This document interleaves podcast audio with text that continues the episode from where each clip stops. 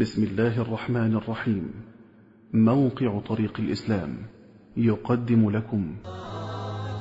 حكمت عدلت منت فنمت رسيخ البال.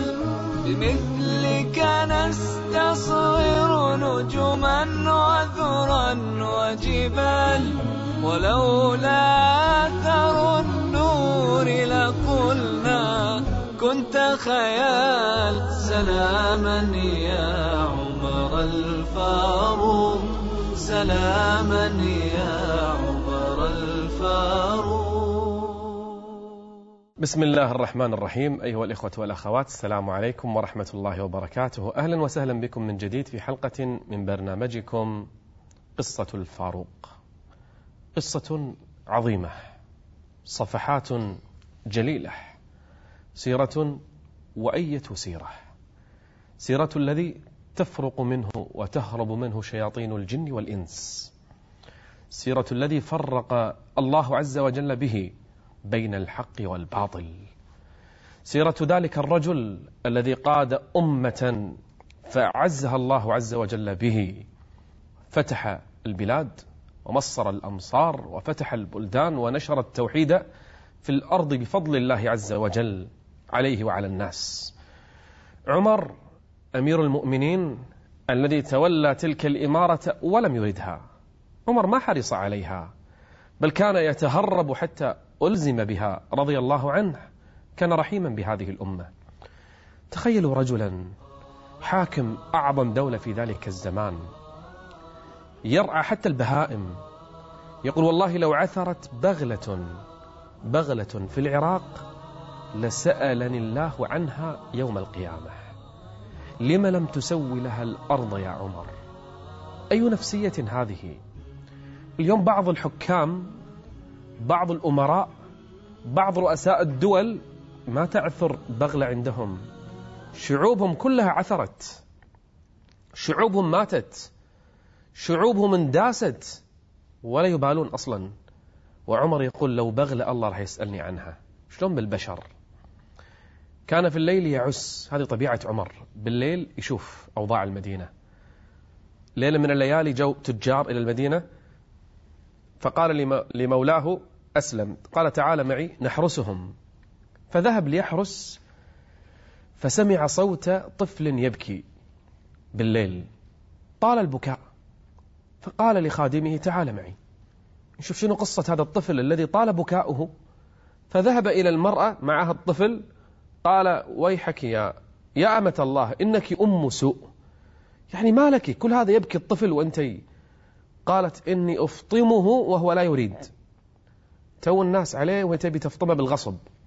تبي توكله خلاص. يقول له ولم تصنعين هذا؟ ليش يعني؟ الأم ما تفعل هذا. الأم تعطي الولد على الأقل سنتين من الرضاع بعدين تفطمه.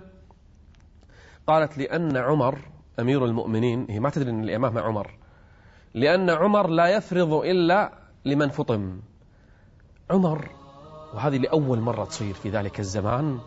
عمر سوى دواوين. ديوان الجند ديوان حتى مثل ما نسميها التأمينات الاجتماعية اليوم رواتب لكل الناس. الكبير اللي ما يشتغل العجوز الطفل اللي ما عنده عمل يفرض لهم من بيت المال مبلغ. الأطفال عمر قال أن الرضيع ما يحتاج الرضيع يرضع من أمه فما نعطي ما نفرض له راتب. لكن إذا انفطم بدأ يأكل نحط له راتب. ما علم عمر أن بعض الأمهات إيش راح تسوي؟ راح تفطم الطفل قبل وقته علشان الراتب. فلما نظر لهذا الموقف عمر ذهب إلى المسجد وجلس يبكي انتظر صلاة الفجر. فلما صلى بالناس الفجر يقول الصحابة ما كنا نعلم قراءته من بكائه. من شدة بكاء مو عارفين إيش قاعد يقول. يقول فلما انتهى من الصلاة قال لنفسه اللي حوله يسمعون بئسا لك يا عمر كم قتلت من أطفال المسلمين؟ ويبكي خايف أنه شلون قراره خلى بعض الأمهات يفطمون أولادهم قبل الوقت. فلما اجتمع الناس في الصلاة قام. وأعلن أن أمير المؤمنين من اليوم يفرض لكل طفل من أطفال المسلمين فطم أو لم يفطم. فلا تستعجلن امرأة على طفلها. يبكي عمر. ليش؟ رحمة برعيته. شفتوا الراعي الحقيقي لتلك الرعية. يقول عليه الصلاة والسلام اللهم من ولي من أمر أمتي شيئا فرفق بهم فارفق به. ومن ولي من أمر أمتي شيئا فشق عليهم فاشقق عليه. فكم مثل عمر اليوم؟ يدعى لهم بالرفق؟ وكم شق ممن شق على أمته اليوم يستحق الدعاء؟ اللهم فاشقق عليه. سلاما يا عمر الفاروق. سلاما يا عمر الفاروق. هذا عمر بن الخطاب رضي الله عنه. هذا الفاروق. نعم. أرهب أعداء الله جل وعلا. خاف منه الفرس والروم والمشركون المجوس الكل خاف من عمر. لكنه مع هذه الأمة كان أرحم الناس بها. يوم من الأيام وهو طالع مع مولاه أسلم بالليل. شاف من بعيد نار. نار وخارج على أطراف المدينة. أكيد هؤلاء ناس من الخارج توهم جو إلى المدينة. فذهب فأسرع إلى النار. فسلم. وجد امرأة أطفال معها يبكون وعلى على النار قدر في القدر ماء. فسلم عمر وقال لها ما شأنك؟ هي مو عارفة الحين منو اللي قاعد يسلم عليها. قالت لا شيء أطفالي جياع ما عندهم أكل ما عندهم طعام. قال وماذا في القدر؟ قالت لا شيء. وعللهم بها. يمكن يظنون أن في أكل ينامون من الجوع. ما عندي شيء يبيتون وهم جياع. فأسرع عمر مع خادمه أسلم قال تعال معي. قال إلى أين؟ قال إلى بيت المال. فأسرع وأخذ كيسا من طحين وزيت وأخذ الأكل قال بعد أن وضعه في كيس قال احمله على ظهري. قال أحمله عنك يا أمير المؤمنين. أسلم يقول أنا أشيلهم عنك أنت روح وأنا وراءك. قال أتحمل عني وزري يوم القيامة؟ بتشيل عني آثامي يوم القيامة؟ سكت أسلم. قال أحملها على ظهري. يقول فحملها على ظهره. عمر شايل الأكل الحين. وينه؟ رايح مرة ثانية لهذه المرأة. أنزل الكيس. أخذ الدقيق الطحين وبدأ يعجن للمرأة. هو بنفسه. أخذ الماء مع الطحين والسمن بدأ يعجن ويطبخ. فلما وضع في القدر الطعام ووضع الكيس الطحين الباقي عندها والزيت والسمن ذهب من بعيد وربض عمر. جلس على الأرض. ينتظر عمر حتى ينضج الطعام. فقال له أسلم. قال يا أمير المؤمنين نرجع خلاص؟ قال لا. حتى أراهم يشبعون كما جاعوا. يقول فانتظر عمر حتى طبخ الطعام وأكل الأطفال أكلوا وشبعوا وضحكوا. يقول أسلم فنظرت إلى عمر فإذا عيناه تذرفان. يبكي وهو ينظر إلى أطفال المسلمين. هذا هو الفاروق. هذا هو أمير المؤمنين. أولئك آبائي فجئني بمثلهم. إذا جمعتنا يا جرير المجامع. إذا يفتخرون اليوم ببعض رؤسائهم إذا يفتخرون ببعض حكامهم اليوم في أوروبا وأمريكا وبعض الدول بأنهم يرعون شعوبهم مع أن شعوبهم شوفوا الملايين هوملس وقاعدين بالشوارع. في أوروبا ناس تعيش بكراتين تدرون ولا لا يعيشون في أنفاق. أوروبا هذه المتطورة المتحضرة ترى مو كل الناس عايشة.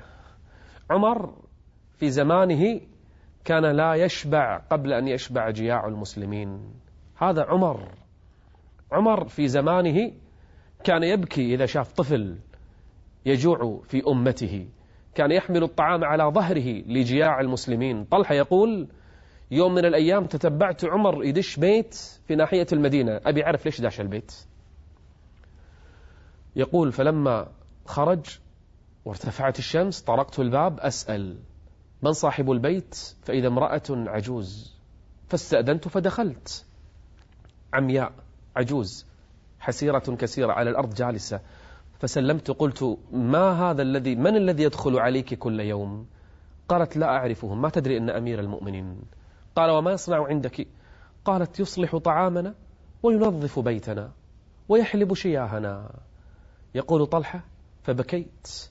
وقلت لنفسي أعثرات عمر تتبع يا طلحة أعثرات عمر تتبع. هذا تربى على يد من؟ على يد حبيبه محمد صلى الله عليه وآله وسلم مع قصة الفاروق نواصل بإذن الله في حلقة مقبلة. أستودعكم الله والسلام عليكم ورحمة الله وبركاته.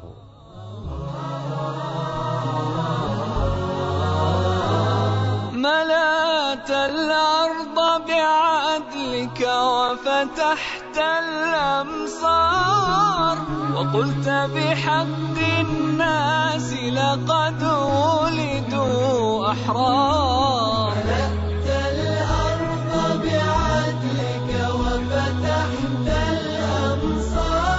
وقلت بحق الناس لقد ولدوا أحرار. وهابتك الدنيا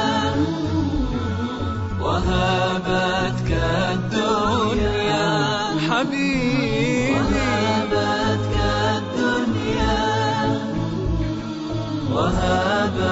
الدنيا. وهابتك الدنيا يا زهدا شع وقار سلاما يا عمر الفاروق. سلاما يا عمر الفاروق.